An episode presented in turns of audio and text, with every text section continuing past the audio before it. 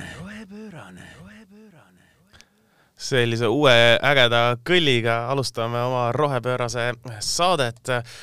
kes meie püsikuulajatest kuulas ka eelmine kord, siis nagu te teate, käis meil külas Nöpp rääkimas oma rohelisest maailmavaatest, seda, kuidas roheliselt kultuuri teha.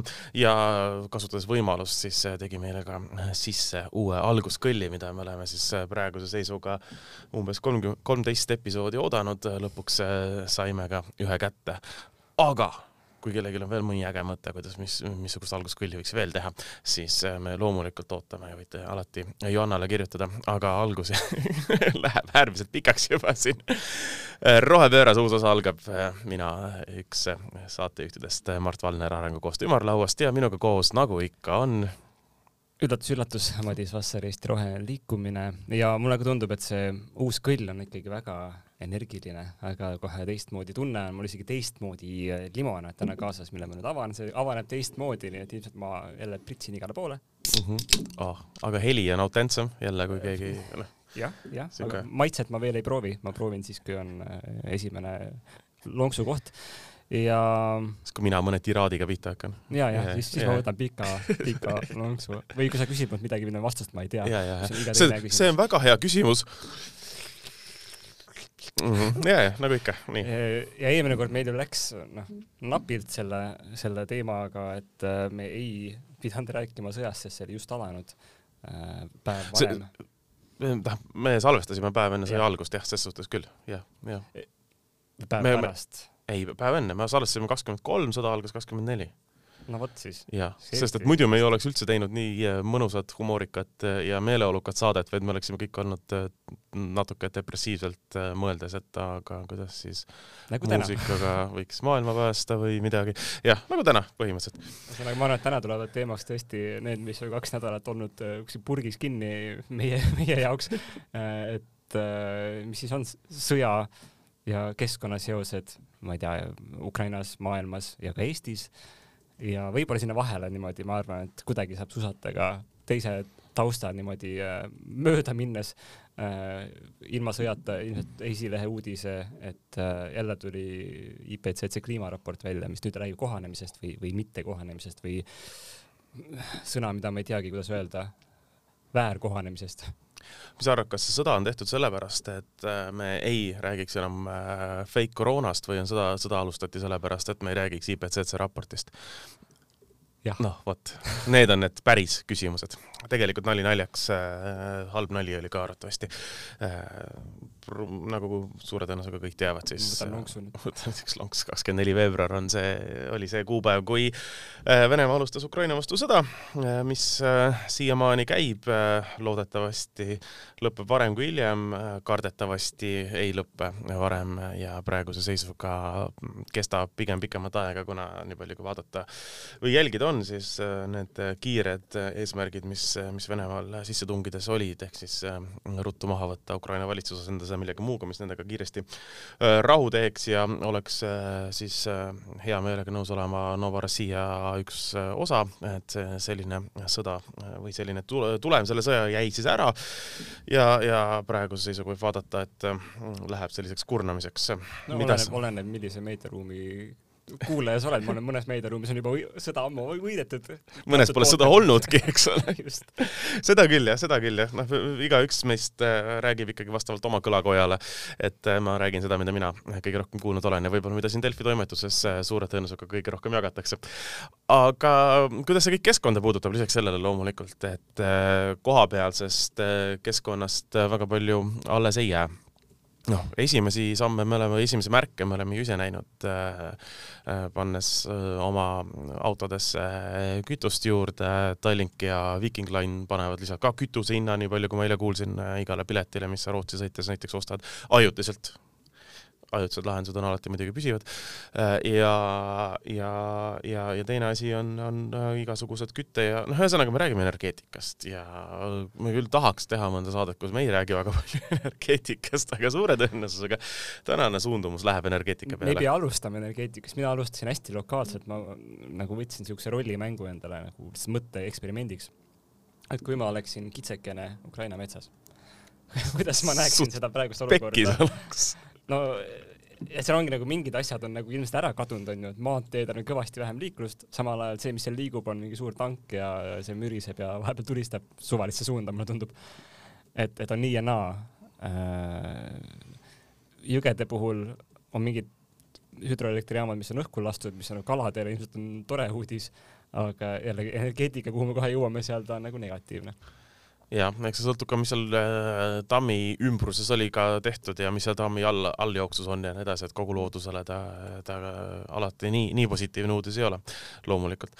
aga jah Äh, kitsekesele võib-olla ma pole isegi selle külje pealt mõelnud, et äh, tõenäosus näiteks sada kümme kilomeetrit tunnis auto alla jääda versus äh, umbes kakskümmend, kolmkümmend kilomeetrit tunnis sõitva tanki alla jääda on kindlasti erinev, et selles suhtes. samas, kui sealt tankist hüppavad välja neljased Vene sõdurid, siis on jälle probleem jah, vot seda ma polegi see, see, sellise asja peale uurinud, et ähm, või, või kuulnud, et kuna, kuna me teame, et toiduvarud on suhteliselt otsas seal, et poodi juba rüüstamas käiakse, aga huvitav, kas ka metsas jahil, et et haubitsaga kaugtuli ja siis vaatad, mis alles jääb. energeetika, nii.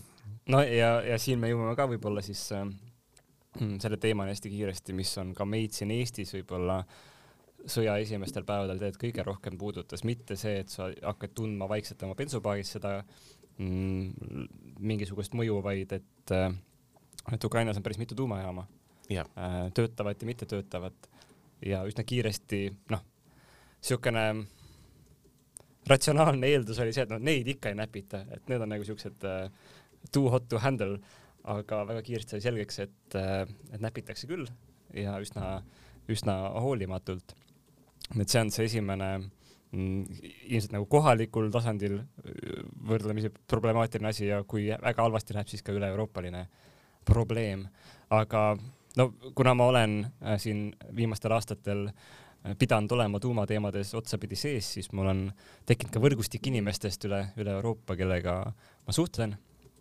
ja siis minu, minu rutiin tavaliselt ongi nüüd viimastel nädalatel olnud see, et hommikul ma vaatan postkasti, sest seal on teatud üks list, kus on head infot. kui seda infot te tekib kuskilt, siis ma vaatan ühte Ukraina sensorite veebilehte, mis on noh, viimasel ajal väga maas olnud oma, oma andmetega, aga loodan, et äkki ikkagi midagi saab teada ja, ja siis seiran äh, uudiseportaale, et, et leida nagu siukest äh, usaldusväärset infot ja hetkel võib vist nagu, mis me räägime siin äh, reedel. me räägime reedel, üheteistkümnendal märtsil, ma arvan ka, et see tuleks Õhtul, igaks juhuks kindlasti nagu ära märkida. siis oli nagu parim info on see, et infot väga ei ole mm. -hmm. no tuumajaamade suur mure vist on, eks ole, see, et Tšernobõli tuumajaam on elektrita või ei ole elektrita või tuleb Valgevene appi sinna elektrit panema või on seal diiselgeneraatorid, millest võib tuleneda äh, tuumaheide, aga võib-olla ikkagi ei tulene tuumaheidet ja tegelikult keegi selles väga kindel ühesõnaga tulemuses ei ole.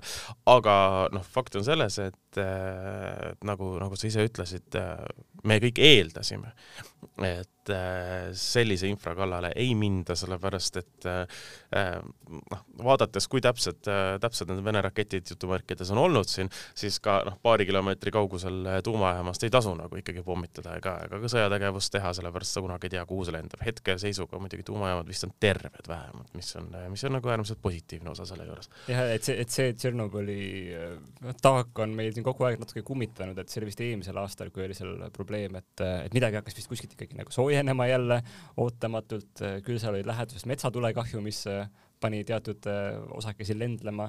Ja nüüd tulid siis äh, tõesti nagu sõjamasinad seda pinnast seal üles keerama, et need sensori andmed, enne kui nad nagu ära kadusid, nad näitasid ikkagi, et no koha peal läks asja, asjad natukene rohkem kriitiliseks, aga äh, jah, et see elektri küsimus on alati siuke selline, et vahepeal teda kindlasti ei olnud, nüüd äkki võib-olla jälle on, aga siis on ka generaatorid, millel äkki on nagu kütust, äkki enam ei ole, et ja, ja selle piirkonnaga ei saa väga ühendust, et isegi need kohapealsed nagu eksperdid ütlevad mingit noh, umbes, et kellelgi on selle Vassili telefoninumber ta saab vahepeal teda kätte, et küsida, kas kõik on ikka veel elus aga muu info on hästi-hästi katkendlik, nii et kui keegi väidab, et ta teab täpselt, mis seal toimub, siis äh, ta ei tea tegelikult. Arusaadav.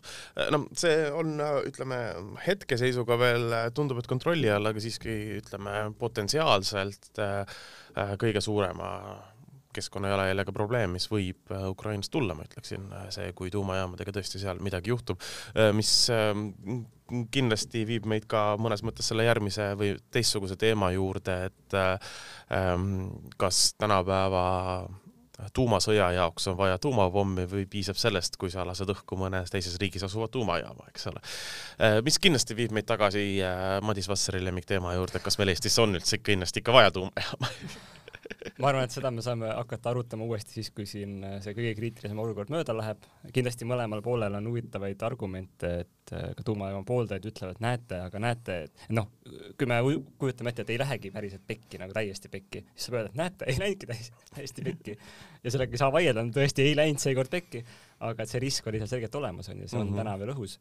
ja, ja ma arvan, et need vestlused saavad olema nüüd palju-palju keerulisemad, äh, sest et kui enne oli olemas nagu see kaart kuskil selles kaardipakis, et noh, aga seda ju ei juhtu, siis see on nüüd, ma ütleks üsna välistatud, et kui enne oli noh, väga vabalt võis öelda, et noh, keegi ei tulista tuumajaama pihta. Mis kõlab nagu loogiline lause, eks ole. kõlas kaks nädalat tagasi, see oli kõik mingid sellega me oleme nõus. Sa isegi ei diskuteeri seda, ma arvan, et kui sa oleks öelnud kaks nädalat tagasi, et oo, keegi ründab tuumajaama, siis oleks nagu, noh, sõda võib olla, aga nii hullud ikka keegi ei ole ju noh. et äh, ma, ma arvan, seda isegi toodud lauale, olgem nüüd, olgem nüüd ausad. aga äh, tuumateema viib meid ka selle teemani, et äh, me ikkagi jõuaks sinna nüüd nagu selle energeetika poole peale, mis meid puudutab muud moodi kui tuumapilv, eks ole. ehk siis energiahinnad Euroopas ja Euroopa energia tulevik. noh, räägime Green Dealist mis äh, võeti vastu, eks ole, enne kui sõda tuli Ukrainas, kus me räägime ikkagi äh, suurtest ja, ja, ja toredatest äh, nägemustest, kuidas Euroopa Liit liigub roheenergeetika poole, kasutades vahepeal üleminekukütusena. hästi siis, rahulikult niimoodi kulgeb. kulgeb ilusti, aga helerohelisse tulevikku, eks ole. üleminekukütuseks ei ole vahepeal siis Vene gaas ja, ja needsamad tuumajaamad noh, praegu, mida nüüd on Repower EU on, eks ole, see, mis on nüüd Euroopa Komisjon välja toonud, kus siis mis on uus plaan siis, mis Venemaa gaasisõltuvus kaotada aastaks kaks tuhat kolmkümmend ja selle aasta lõpuks juba kolmandiku võrra või kui ma õigesti mäletan, või oli kolmandik alles, et kolmandiku võrra võiks kaotada. ehk siis noh, see tähendab ühe külje pealt, et me peaksime kiirendama oluliselt Äh, üleminekut äh, roheenergeetikale. teise külje pealt, kui me nüüd reaalselt räägime, siis äh, noh, seitsme aastaga ei ehita roheenergia, ei päikeseparka, tuuleparke, hüdrojaamu ja nii edasi, kogu Euroopat täis. ka isegi kui me võtame sinna roheenergeetika alla tuumajaamad, siis ka noh, seda võimekust ei ehita, eks ole, seitsme-kaheksa aastaga niimoodi, et me võtame kogu gaasi saaks välja lükata, eelkõige kui me räägime siin ütleme Saksamaa suurusest riigist, mis kogu oma energia ülemineku Vene gaasi peale ehitab võitleski, eks ole. mida see siis tähendada võib, kas see tähendab siis seda reaalselt, et äh, needsamad äh, sulgemisel olevad äh, kivisöejaamad Euroopas ja, ja ka Eesti põlevkivijaamad pannakse ikkagi nagu noh, nii täisvõimsusel tööle kui üldse saab, sellepärast et gaasi rohkem mitte kasutada. Ja kui nad pannakse sellisel kujul tööle, kas see noh, siis kindlasti on ajutine lahendus, eks ole, aga, aga kindlasti olles äh, ja mõeldes natukenegi sa nagu. peaksid ikka minema poliitikasse stamplaused nii peas juba. täpselt. aga kui sa nüüd mõtled nagu korraks loogiliselt, eks ole, selle kivisöejaama omaniku poole, poole pealt, kellele öeldakse, et kuule, on ju, sa oled nõus tegema nüüd lisainvesteeringut oma jaan lahti teha, siis kindlasti ei ole ta nõus seda investeeringut tegema seitsmeks aastaks, siis on äh, teise poole pealt tuleb äh, ju see lause, et okei okay,, et me oleme nõus, me aitame teid praegu välja, teie garanteerite meile töö näiteks kolmekümneks aastaks. ma noh, noh, hüpoteetiliselt teoreetiliselt räägin siin põhimõtteliselt, aga, aga, aga see on ju loogiline, kuidas turumajandus töötab, eks ole. Eh, ehk siis eh, kas see sõda praegu tähendab seda, et, eh, et me võime nagu Euroopa rohelise ülemineku lükata kakskümmend aastat rahulikult edasi? ma alustan sellest, et ma ei teagi, kas see oli unenägu, kas see oli libauudis või see oli päris uudis, ma nägin ainult pealkirja, aga pealkiri oli umbes selline, et Ursula von der Leyen kutsus üles ka vähendama energiatarbimist ja see oli päris. see, ei, ses suhtes see, see on nagu üks teema, mida on praegu nagu analüüsitud, sellepärast et äh, äh täiesti äh, reaalselt äh, seda on väga paljud analüütikud öelnud, et äh, lääs ei saa sellise tarbimisega mitte kuidagi ennast äh, äh Vene gaasist äh, lahti ühendada. ja teised analüütikud on öelnud, et aga inimesed ei muuda kunagi oma käitumist, nii et siin on mingi mingi huvitav äh, vastasseis nüüd, aga ma arvan, et see on kombinatsioon sellest, et sa vähendad tarbimist ja, ja muudad seda kohalikumaks, aga samal ajal nagu näiteks tuumajaamade puhul äh, need, mis äh, olid dekomisjoneerimise teel juba, et noh, seal on juba mingeid asju tehtud selle nimel, et seda nüüd nagu ära, kinni ära panna, et, et see uuesti lahti teha või seda pikendada nüüd, see ei ole niisama lihtne mm. -hmm. see on jälle omaette protsess. peab olema ikka väga kindel, et seda teed tahetakse minna äh,. siis täpselt nagu sa ütlesid, see on pikaajaline niisugune äh, jälle lukustumine sinna süsteemi ja sealt, sellest me räägime pärast võib-olla selle IPCC raporti juures uuesti, et äh, et kuidas mõni niisugune ajutine või kiire lühiajaline kohanemine pikas plaanis teeb su asja ikkagi veel hullemaks et mm -hmm. Eestis, noh, sa ütlesid, et, et kolmkümmend aastat tahad äh, garantiid saada, Eestis Taavi Aas ütles, et äh, on tähtajatu pikendamine, et siis selles mõttes on hästi. Kolmkümmend aastat on liiga vähe, paneme veel rohkem, see on äh, alati, alati nagu hea mõte. ei no iseenesest ongi see, et ega ma noh, see, see kogu see kohanemine on selles mõttes ju mõnes mõttes loogiline, et noh, näita mulle poliitikut, kes praegu võtaks vastu otsuse, et nagu kannatage ära et me läheme oma rohepöördega samas tempos edasi ja nagu sorry, et äh, teil lihtsalt ei ole siin nagu kolm aastat elektrit, eks ole. Eh, või, või maksab see mitte, mis see börsipiir on praegu kaks tuhat eurot megavatt-tunni pealt, kolm tuhat või? noh, siis on kolmkümmend tuhat, eks ole. ei, ei, ei no aga, aga noh, ongi sorry, noh, meil on nagu, meil on need päikesejaamad, me ehitame nii palju juurde, kui saame, eks ole, ja noh, siin kahe aastaga, eks ole, antakse võib-olla ühinemisluba ka, eks ole. et noh, ses suhtes no vot, siis on see see, see ei ole, see ei ole, see ei ole reaalne. minus, kes küsib, et aga mis on on vabaduse hind, onju, kas sa oled nõus seda vabaduse hinda maksma? nojah, aga, aga see ei ole reaalne, et, et, et sellist, selliseid otsuseid tehakse. loomulikult tehakse otsuseid, et me praegu järgmised viis aastat, kümme aastat, eelkõige viis kuud ja, ja aasta, eks ole, suudaksime tagada mingisugustki energeetikat, siis liikudes sealt edasi, eks ole, energiajulgeoleku poole ja kui me selle oleme ära teinud, siis me liigume sealt edasi, eks ole, selle poole, et kas me nüüd hakkame uuesti rääkima sellest, et see energia, mis tuleb, võiks olla roheline.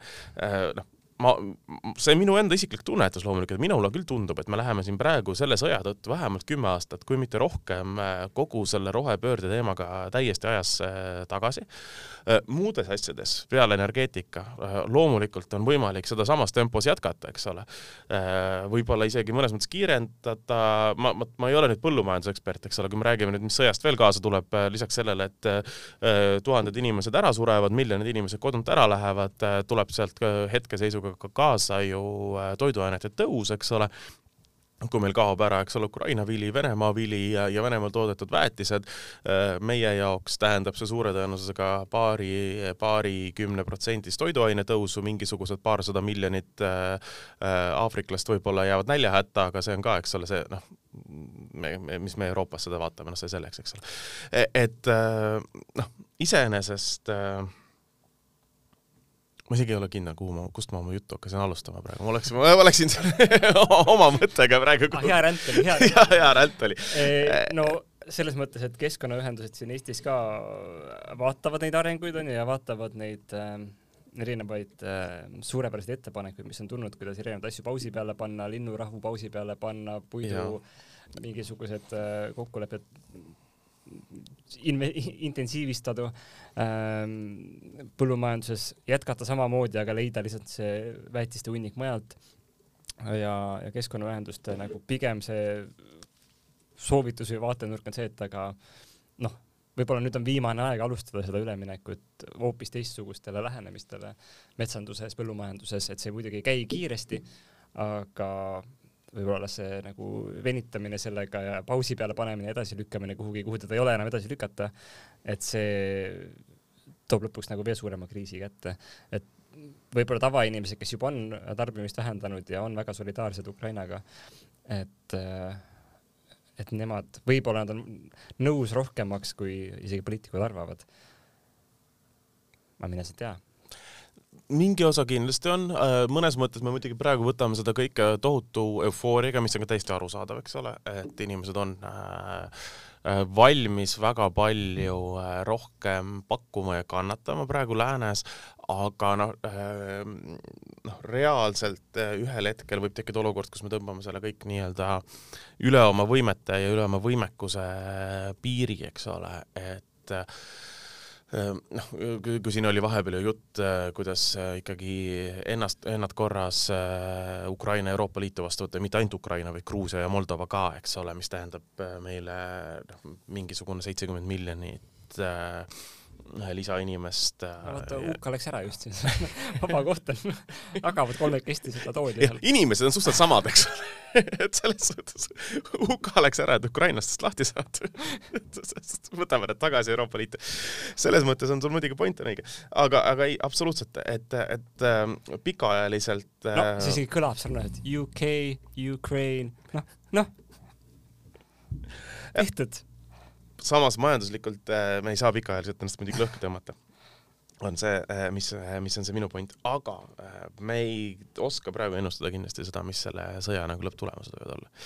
ja, ja kui, kui kaugele see kõik omadega võib, võib ikkagi reaalselt, reaalselt jõuda ja minna, et ähm, noh, Taavi Aasast sa korra siin, korra siin Taavi Aasa mainisid, lisaks sellele, et ta arvas, et linnurahu võiks ära jääda ja et äh, kvoodikaubandussüsteem võiks ära minna. Noh, jah. siin on, see artikkel, mis ERR-is oli, sellega mm. on nii, et seal on, seal on mitu ilusat lauset, üks neist oli see, et nagu ka ta ise tõdeb, on see, et kui CO2 kaubandusega tuleb paus, siis sealt ei laeku enam ka CO2 müügitulusid, millega saaks teha taastuvenergia projekte. absoluutselt. et siis ongi nagu täielik nagu deep freeze või siuke, et noh, siuke noh, sügav äh, taastuvenergia talv tuleb, kus midagi ei liigu selle ajani, kui mingi hetk, noh jälle aastakümnetega ehitatakse mingisugunegi nagu, nagu siukene mm, inerts üles, et no enne kui meil oli see energia hind käis tuhande juures onju, siis öeldi, et ah, okei okay,, nüüd see ongi see signaal, mida turg ootas onju, nüüd hakatakse arendama. ja siis paar kuud hiljem nüüd tuleb uus signaal, et mingi ei, stopp, stopp, stopp, stopp, kõik pausi peale, palun. nii, võtame nüüd kaks sammu tagasi või kümme aastat tagasi ja nii ja nii ja läheb mäng käima uuesti mm. -hmm. no see on samas ikkagi nii kahe otsaga asi, et äh, noh, siin võibki välja tulla see, et äh, meil on, äh, meile tuleb täielik friis, eks ole, ja tõesti see, et me panemegi pausile kõik oma taastuvenergia arendused selle nimel, et saada kuidagi praegu nagu edasi ja äkki efektiivitseda, efektiivsemaks muuta, eks ole, põlevkivikatlaid ja nii edasi. aga teise külje pealt, kui me vaatame, eks ole, nüüd noh, mis oli eelnev kriis, eks ole, koroonakriis, siis äh, noh, selle tulemusena äh, tuli ka ju teatav niisugune majanduse restart ja me räägime ikkagi kahest aastast, kahe, viimase kahe aasta jooksul näiteks Eesti kontekstis sellest, et äh, rohetehnoloogia startup'id kaasavad iga aasta kordades rohkem raha kui eelmistel aastatel, eks ole. noh, praegu üleüldiselt kindlasti mingisugusesse innovatsiooni investeerimine on niisugune kahe otsaga asi, kas inimesed ja just eelkõige investorid, kas nad julgevad seda teha või mitte, aga samas ähm, üleüldises plaanis äh, noh, kõige halva kõrval ajalooliselt vaadates sõda on alati olnud innovatsiooni mootor ja, ja selle kõrval nagu see, et kuidas me sealt kiiremini välja tuleme, või võiks ju ideeliselt kaasa tuua äh, väga tugeva innovatsioonilaine jälle. ma õpetan sulle uue sõna, mille ma ise õppisin paar nädalat tagasi, see on eksnovatsioon see on siis äh, kuidagi asjade lihtsustamine või, või nagu lagundamine lihtsamaks äh, täitsa on olemas ja see toimib ka energeetikasektoris väga hästi, et kui sul ongi väga keerulised asjad, mis noh, sõltuvadki kogust maailmast onju ja nüüd see pool maailma ütleb, et ta enam ei mängi sinuga, et kuidas sa saad seda nüüd eksnoveerida millekski lihtsamaks. Ja jälle ma arvan, et üks mõtteharjutus, mis on mul samal tasemel selle kitsekesega seal Ukrainas, on see, et et kui meil on maagaasi hind äh, on taevas aga kui sa oled kohalik biogaasitootja oma mingist kohalikust sõnnikuhunnikust, kas sa lähed kaasa selle hinnatõusuga, sest sinul on noh, sisend on põhimõtteliselt sama täpselt, aga sa vaatad, et kurat, gaasi hind on räigelt üles läinud, et kas, kas sul on eetiline või noh, turumajanduslikult muidugi sa lähed kaasa, sest kõiki, kuidas öeldakse, et tõusev vesi tõstab kõiki superjahte. või, või sa ütled, et vabandust, et minu sisend on jätkuvalt hästi väike olnud ma maksan, müün seda jätkuvalt väga odavalt, sest mul ei ole hind kallinenud, kuigi nagu nõudlus nüüd on suurem. Äh, ja kas siis hakkavad inimesed oma tagahoovis oma komposterite peale panema ka väikseid äh, siukesi kotikesi gaasi kogumiseks? minu arust oleks väga äge, kui hakkaks. mis on olemas tegelikult, siuksed äh, kommertslahendused on olemas väikestele majadele. noh, aga see oleks ju väga tore, see on, aga see ongi see innovatsiooni areng, ma ütleksin selle peale või noh äh,. see on see, seda tüüpi muutus, mis oleks jubedalt nagu vastupidav ka sellele, kui Eestis peaks mingi asi minema palju äh, kriitilisemaks, et sul on see energiataristu on üle maa laiali hajutatud ja väga jätkusuutlik kogukondlik energia tootmine on teema, millest on Eestis ka ütleme viimased aasta aega väga tugevalt räägitud, eelkõige küll äh, suunitlusega päikesepaneelidele, aga loomulikult äh, keegi ei keela ka kompostihunnikus seda juurde teha. tahtsin aga..., tahtsin öelda, väikse tuumajaama juures peaks olema ka väike biogaasi siuke reaktor, et saad oma õunasüdamikust äh, toota elektrit, kui, kui põhiühendus ära kaob. siis oleks ju tuumajaam veel veel ökom. veel ökom aga huvitav, palju sa neid reaktoreid peaks näiteks põlevkivijaama kõrvale panema panema, vaata neid väike, iga, iga inimene, kes tööle läheb, hommikul viskab oma banaanikoored ja õunad, mis ta on kodus kaasa võtnud sinna bio, biohoidlasse. eriti banaanikoored on natuke radioaktiivsed ka. noh, ja siis tuleb sealt see biogaas, eks ole, ja, ja siis noh, see neutraliseerib ära selle, et kõrval me, me nagu põlevkiviahju viskame, eks ole, et noh see väga keeruline süsteem lõpuks, aga lõpuks, lõpus ikkagi kogu Eesti töötab biogaasi peale, aga noh, teised asjad, põlevkivijaam on lihtsalt näitamiseks, et yeah, yeah. et, et valitsuse mingisugust põlevkivi ihalust noh, rahuldada, et vaadake seda jaama. see oleks win-win nagu ses suhtes, eriti kui see jaam kinni oleks veel. see oleks aga ta oleks alles, et sa saad vaadata ikkagi, eks ole. aga, aga ma tahtsin öelda sõja kohta, et sa ütlesid, et see on suur innovatsiooni edasitõuke ja mis on võib-olla tõsi, aga ta on ka suur nagu niisugune ajalooline ühtlustaja olnud. et need mürsud tabavad seal igat rajooni, et siis saavad pihta nii vaesed kui ka rikkad.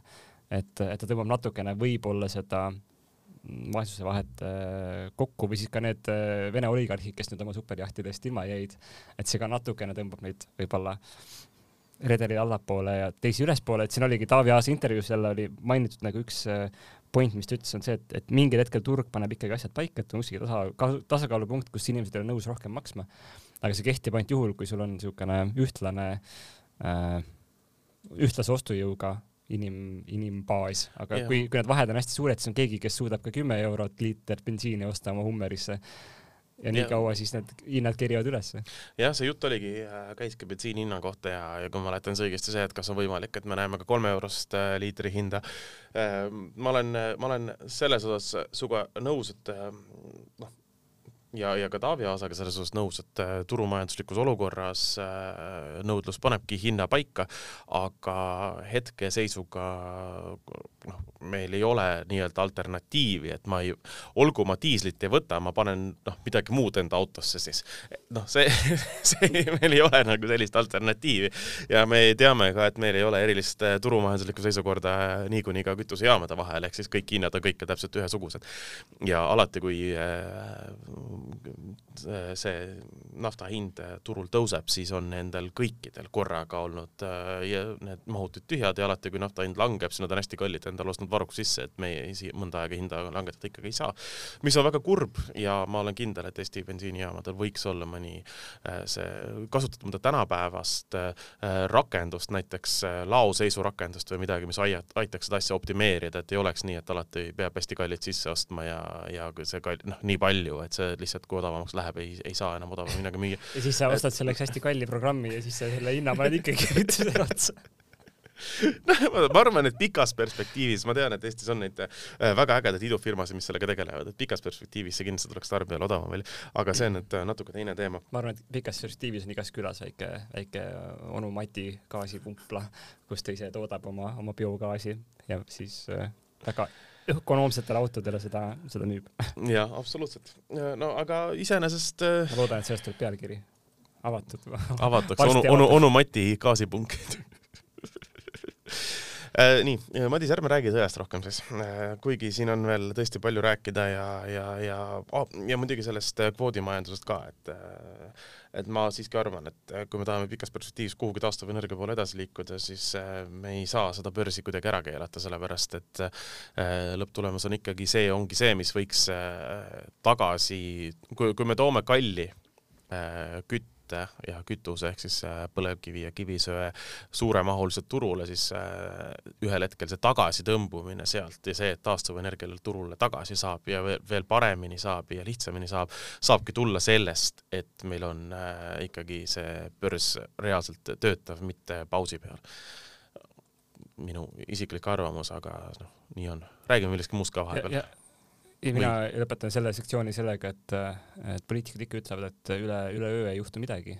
üleöö ei tee mingit üleminekut, aga seal Taavi Aasa kuldses artiklis oli ta välja öelnud ilusti, et äh, gaasivaru on vist kolm kuud, gaasivaru on kaks kuud ja, ja mootorikütuste varu on kolm kuud.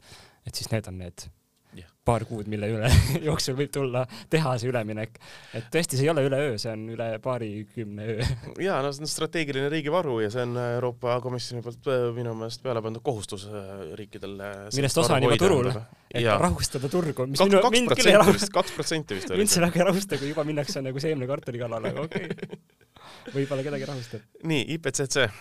jah, no sujuv no. üleminek, minu arust, minu jaoks sujuv üleminek on see, et äh, nähes äh, nüüd neid Ukraina sõjapilte, sest neist ei ole võimalik hoiduda, nad on igal pool. et no nad väga palju meenutavad väga paljudes aspektides eh, muid põgenikke, kes tulevad kuskilt keskkonnakriisidest. Ja, ja see on see, millest siis IPCC järjekordne raport, ma ei tea siis kuuenda vaheraporti teine vaheraport, mis iganes ta täpne nimetus on. Eh, et tema pealkiri on siis, et eh, räägime kohanemisest muidugi selle äh, põgenikekriisi muidugi vahe on, äh, suurim vahe on see sees, et äh, kui meil tuleb, on miljonid ukrainlased, kes põgenevad, siis ollakse valmis oma lisatuba ära andma, aga kui nelikümmend süürlast tuleb, siis meil on rahvuslik kriis selle üle, kuhu me nad Eestis ära majutame, see on nagu suurim vahe, see ei, tõesti ei mahu, ei mahu pähe. jaa, ja noh, kui ühesõnaga teie siia ma võtsin seda raporti ette Uh, seal on erinevad variandid, sellest on see hästi pikk, tuhat kuussada lehekülge, noh ei, seda ei loe keegi uh,. siis on lühem niisugune summary for policy makers, mis on lihtsalt niisugune, see vist oli umbes kolmkümmend lehekülge niisugust wall of text, no väga üritasin, ei saanud hakkama selle lugemisega.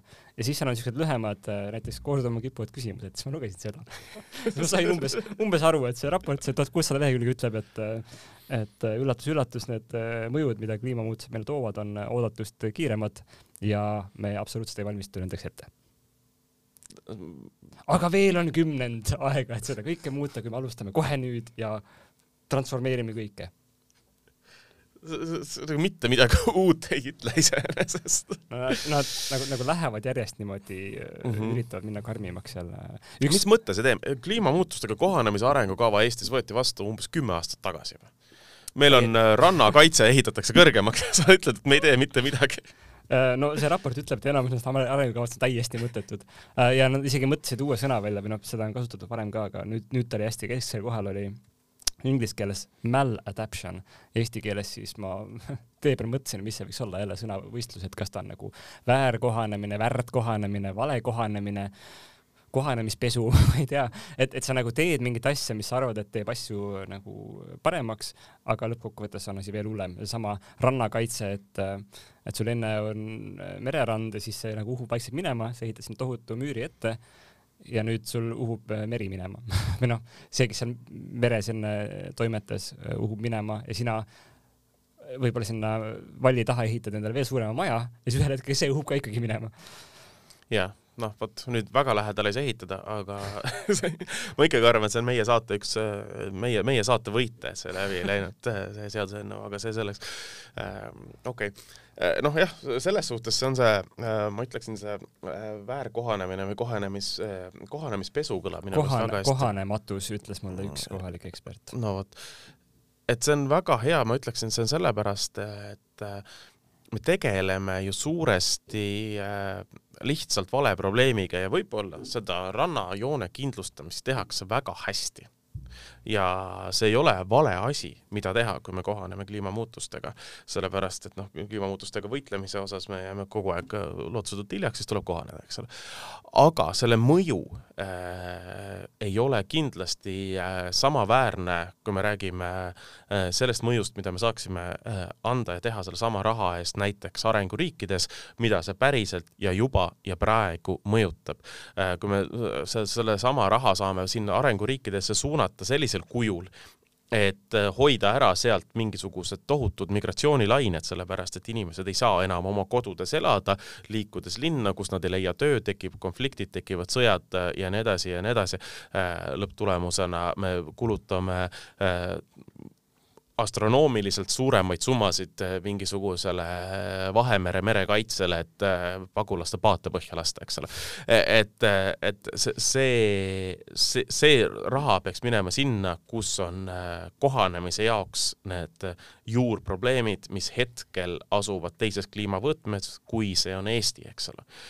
meie jaoks on asjad endiselt suhteliselt hästi. meie, meie kasvatusperiood pikeneb isegi natukene. noh, vot, võib-olla pääsemegi sellest, et nad Venemaalt enam väetist ei saa, et kuna me lihtsalt teeme Eesti kliimat soojemaks, eks ole. see, see lause jääks edasi, et aga see ei offset'i seda, et äh, Lõuna-Euroopa ikkagi läheb pigem kõrbeks no vot, kas me tahame, et hispaanlased tuleksid siia? ei taha sellises massis, noh. et ja, ja see, see, et, et äh, lõunapoolsemad maad on, on oluliselt kehvemas seisus, see tuleb nagu sealt raportist väga selgelt välja ähm,. seal on niimoodi läbi lillede öeldud, et noh, et rikkamad on selgelt paremini valmistunud kui vaesemad äh, olude, olude võimaluste nagu piires ja noh, seal on vahepeal nagu mingeid, mingeid numbreid, mis tulevad lihtsalt lausetena välja, mis on mingi, just hakkad mõtlema, siis mingi täiesti jabur, et seal oli, et, et noh, umbes pool maailma populatsioonist äh, siis äh, kogeb aastas vähemalt korra nagu siukest severe water shortage, noh nagu mm -hmm. tõsine veepuudus mm, -hmm. mitte mhm. veepuudus, tõsine veepuudus, sest veepuudus on tavaline juba, aga tõsine veepuudus, pool maailma elanikkonnast, see on, see on üle kolme miljardi. see on ropp number. see on, see on äärmiselt ropp number. ja aga, aga meil on probleeme sellega, et näiteks Tallinna Vesi tõstab hinda aeg-ajalt ja siis me saadame kohtusse, eks ole, et kas on, on mingi kartell või ei ole. Viimsi, Viimsi muru jääb nagu nüüd natukene vähem roheliseks no,. no täpselt, eks ole, et äh, ma nõustun, need ja, ja, ja see suur probleem ongi, me, me, me oleme seda varem ka rääkinud, mille pärast on Eestis kliimateemat tohutult keeruline ajada ja meie jaoks läheb suvi natuke soojemaks, eks ole need probleemid on maailmas palju suuremad äh, ja, ja palju rängemad äh, ja, ja muidugi täpselt nagu jääb praegu äh, koroona teema, on ju, kui sa vaatad viimased kaks, kaks nädalat, eks ole, kliimateemat, siis täiesti tahaplaanile, jääb veel kuudeks, kui mitte pikemaks ajaks tahaplaanile. Ja see on arusaadav, et ta jääb selle sõja tõttu tahaplaanile, aga üllataval kombel kliima soojenemine ei peatu, samal ajal kui Ukrainas toimub sõda. oota, aga kui Taavi Aas saadaks kirja kliimale, et,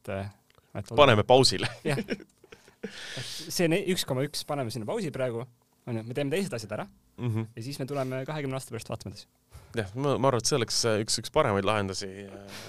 mul on Taavi Aas, me peame Taavi Aasa siia saatesse kutsuma. tal on võim, tal on võim.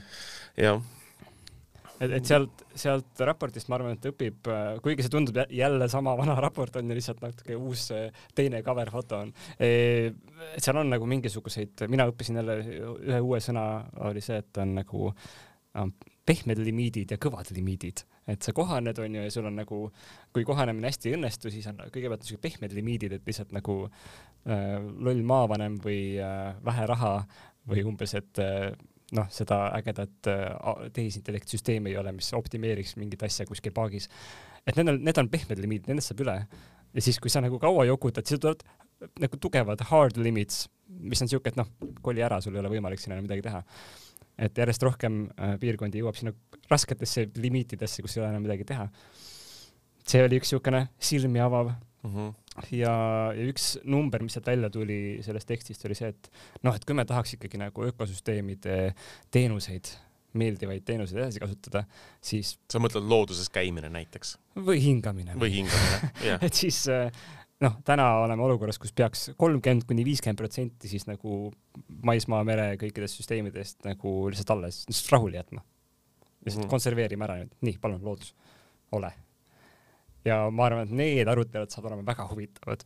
et kui me Eestis, ma saan aru, et põllumehed ei taha ühtegi nagu teeriba juppi ka jätta loodusele on ju, sest on vaja toota seal mingisugust äh, äh, veel kahte viljapead, et siis noh, kui sa räägid, et tuled selle jutuga, et noh, andmed ütlevad, et tegelikult peaks pool Eestit nagu olema lihtsalt reservaat.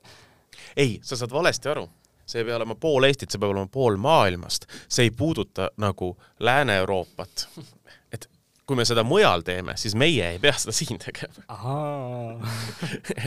sest nagu me otsime need kohad, mida me ei kasuta Mart presidendiks.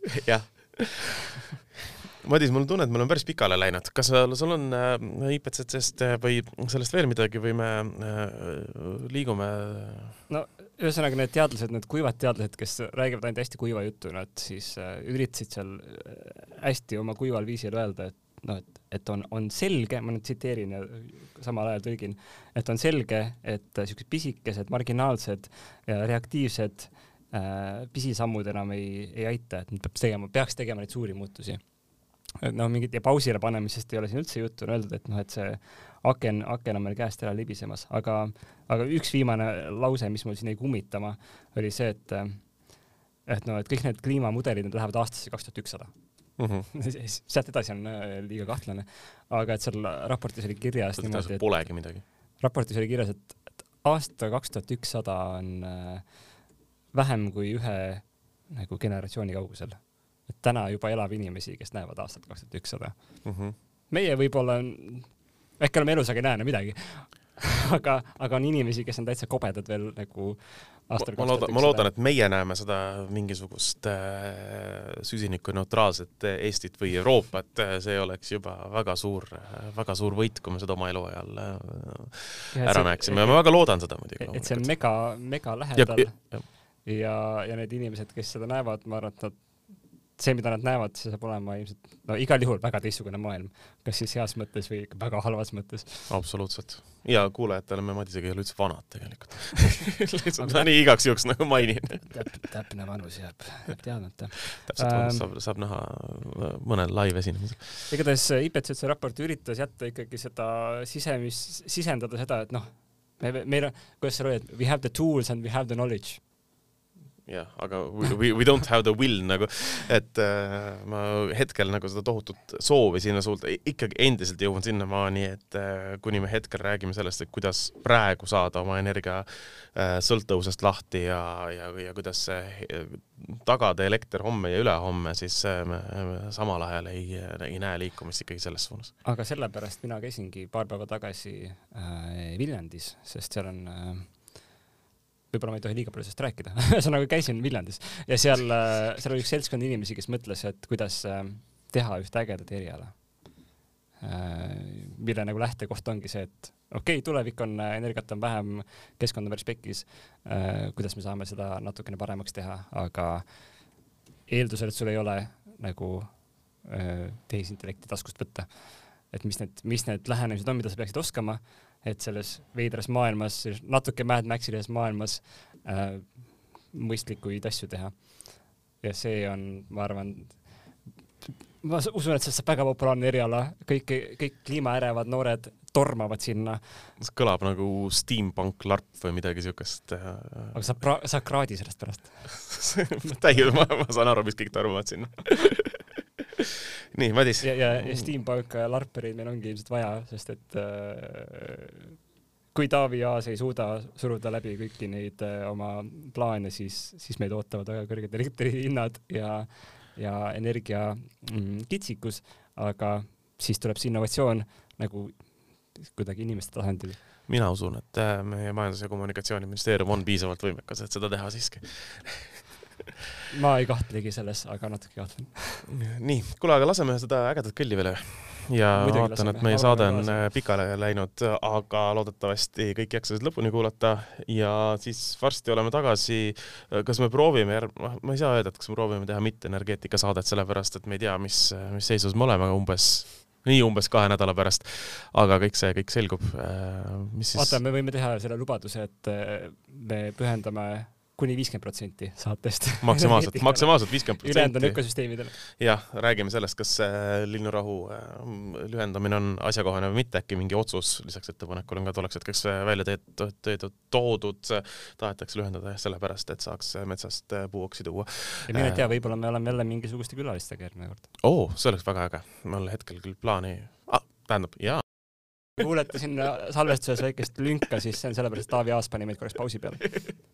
jah, ühesõnaga äh, kõik äh, head kuulajad, kui teil on mõtteid, millest me võiksime lisaks energeetikale veel rääkida või keda täpsemalt külla kutsuda või te tahate ka mõne ägeda kõlli teha, siis te teate, et alati on võimalik kirjutada Roheportaali toimetaja Johannale, kes on nüüd Keeniast tagasi ja tegutsemas sõjarindel ja pidage ja. vastu. ja laseme selle ägeda kõlli siis rohepöörane, rohepöörane.